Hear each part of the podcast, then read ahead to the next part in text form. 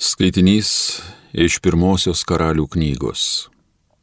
Artėjant laikui mirti, Dovydas akino sūnų Saliamoną.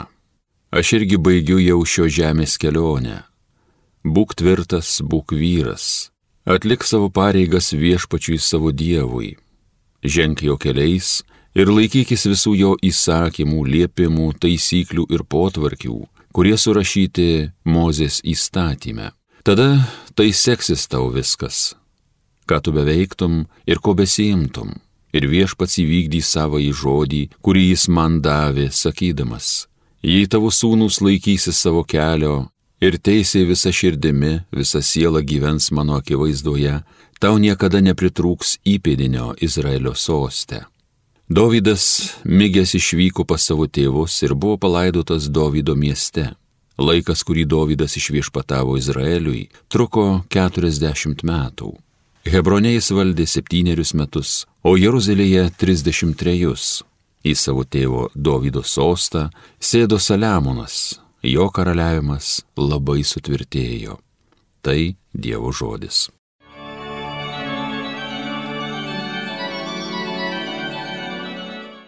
Viešpatie, tu viešpatauji visatai Šlovėtau viešpatie mūsų tėvo Izraelio Dieve, kai buvo nuo amžių, te bus ir per amžius. Viešpatie, tu viešpatauji visatai. Tavo didybė, galybė, šlovė, spindesys ir aukštybė. Tavo gyvisa, kas tik danguje ir kas žemėje. Viešpatie, tu viešpatauji visatai. Viešpatie, tavo yra karalystė, toli galva viršum visko iškilus. Viešpatie, tu viešpatauji visatai. Turtai garbė iš tavęs ateina, tu viešpatauji visatai, tavo rankose jėga ir stiprybė, tavo rankose valdžia ir didybė. Viešpatie, tu viešpatauji visatai. Alleluja.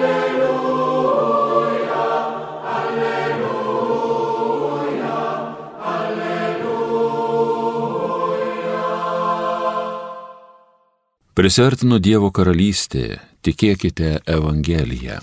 Alleluja, alleluja, alleluja.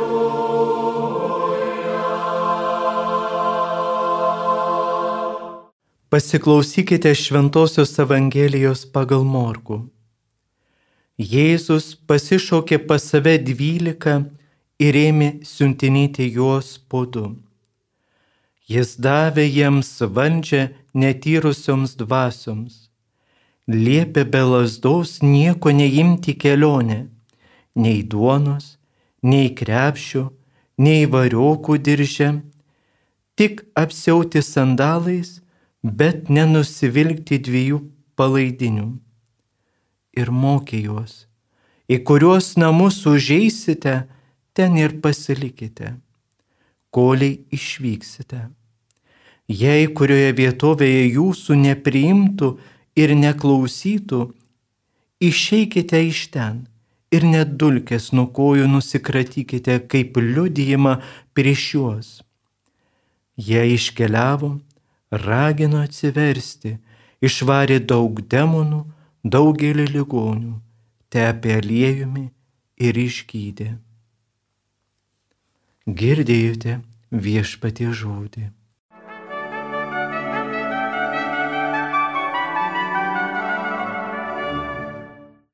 Mėly Marijos radijų klausytojai, šiandien bažnyčia prisimena šventai Blažiejų vyskupą kankinį, kuris buvo Sebastijos, tai yra dabartinė Armenija, ketvirtame amžiuje vyskupas, Jo kultas yra šiandien labai žinomas ir iš tikrųjų ir mums kaip liudijimas, mes žinome istoriją, legendą, kad bekeliaujant vienam berniukui, kuris buvo išstrigusi ašaką, jis išgelbėjo gyvybę. Ką parodo šventieji, ką liudija mums ir šios dienos Evangelija, kad esame visi kviečiami, ypatingai Jėzaus siunčiami liudyti. Įdomus tas apaštalų netisiuntimas po du ir tiek bažnyčios šventieji, kurie irgi keliavo, liudijo, jie nejo vieni. Tiek blažiejus, tiek kiti kankiniai, viskupai, bažnyčios tėvai visą laiką buvo kartu. Ir kas įdomiausiai, žvelgiant į šios dienos Evangeliją, mes matome, kad Jėzus lyg surengė pratybas, treniruotę prieš, galime sakyti, būsimą paštalo misiją po Jėzaus prisikėlimo ir išžengimo į dangų. Viešpats va čia neleidžia nieko su savim pasimti nereikalingo. Viskas, ko reikia norint skelbti Dievo žodį, yra Dievo malonė. Ir čia yra esminė svarbiausia žinia šios dienos Evangelijoje - skelbti Dievo malonę. Jėzus davė jiems valdžią netyrusioms dvasioms. Nieko su savim neturėti ir pasikliauti tik Dievu.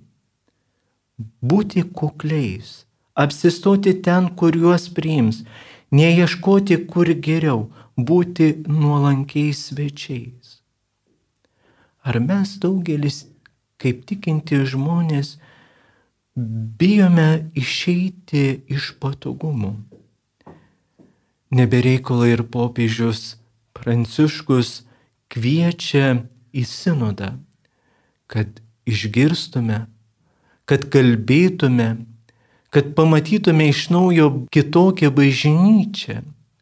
Tai ateina nuo Jėzaus laikų, kada siunčia mokinius ne vien tik ieškoti patogumų, bet kad mūsų gyvenime keistusi. Tačiau Marijos radiai klausytojai, jeigu kuklų viešpaties pasiuntinių nepriims, netulkės nuo kojų, nusikratykite, kaip liūdėjimą prieš juos. Iš vienos pusės tai gan griežtai skamba. Tačiau tai yra ir pagarba žmonių pasirinkimui. Jėzus neliepia jėga visą tai piršti tikėjimą, kad visa tai turi būti brukama per agresiją. Ne tačiau simboliniu gestu nurodo pademonstruoti, kad niekas kitas tik jie patys bus atsakingi už tai, kad nepriėmė išganimo į savo namus, į savo širdį. Kiekvienas žmogus prieš visą tai atsakys prieš Dievą, nežiūrint, koks tavo pasirinkimas ir net už tą atmetimą tu turėsi brolius sesę pats atsakyti. Štai koks nuostabus paveikslas, visiškai paprasti, kuklus, nieko neturintys apaštalai, eina pa žmonės, skelbia gerai naujieną Evangeliją, išvarinėja demonus ir gydo ligonius, tačiau nieko brangiai nereikalauju ir nieko per prievartą nesiūlo. Jei žmonės atsisako juos priimti, jie net ir jų dulkės jiems palieka, kaip liudijama to, kad visi turi tai, ką pasirinko turėti. Kažkas išgydymą ir išganimą, o kažkas tik savo pačių dulkės. Todėl, brangiai save klauskime, ar mes sugebame priimti Dievo malonę, ne savo jėgomis, neimsiu jokių nereikalingų daiktų į savo kelionę su Dievu, bet priimsiu tą paprastumą. Būkime nuolankus savo kasdienybėje, tokie kokie mes esame ir tokie kaip papašalai rodo pavyzdį. O jei kurios namus užeisite, ten ir pasilikite, kol išvyksite. Tegul užtarė šventasis Blažiejus ir apaštalai, tegul drąsina būti atviri Dievo maloniai. Tai nuostabi Evangelijos žiniai, ką šiandien Dievas mums palieka. Amen.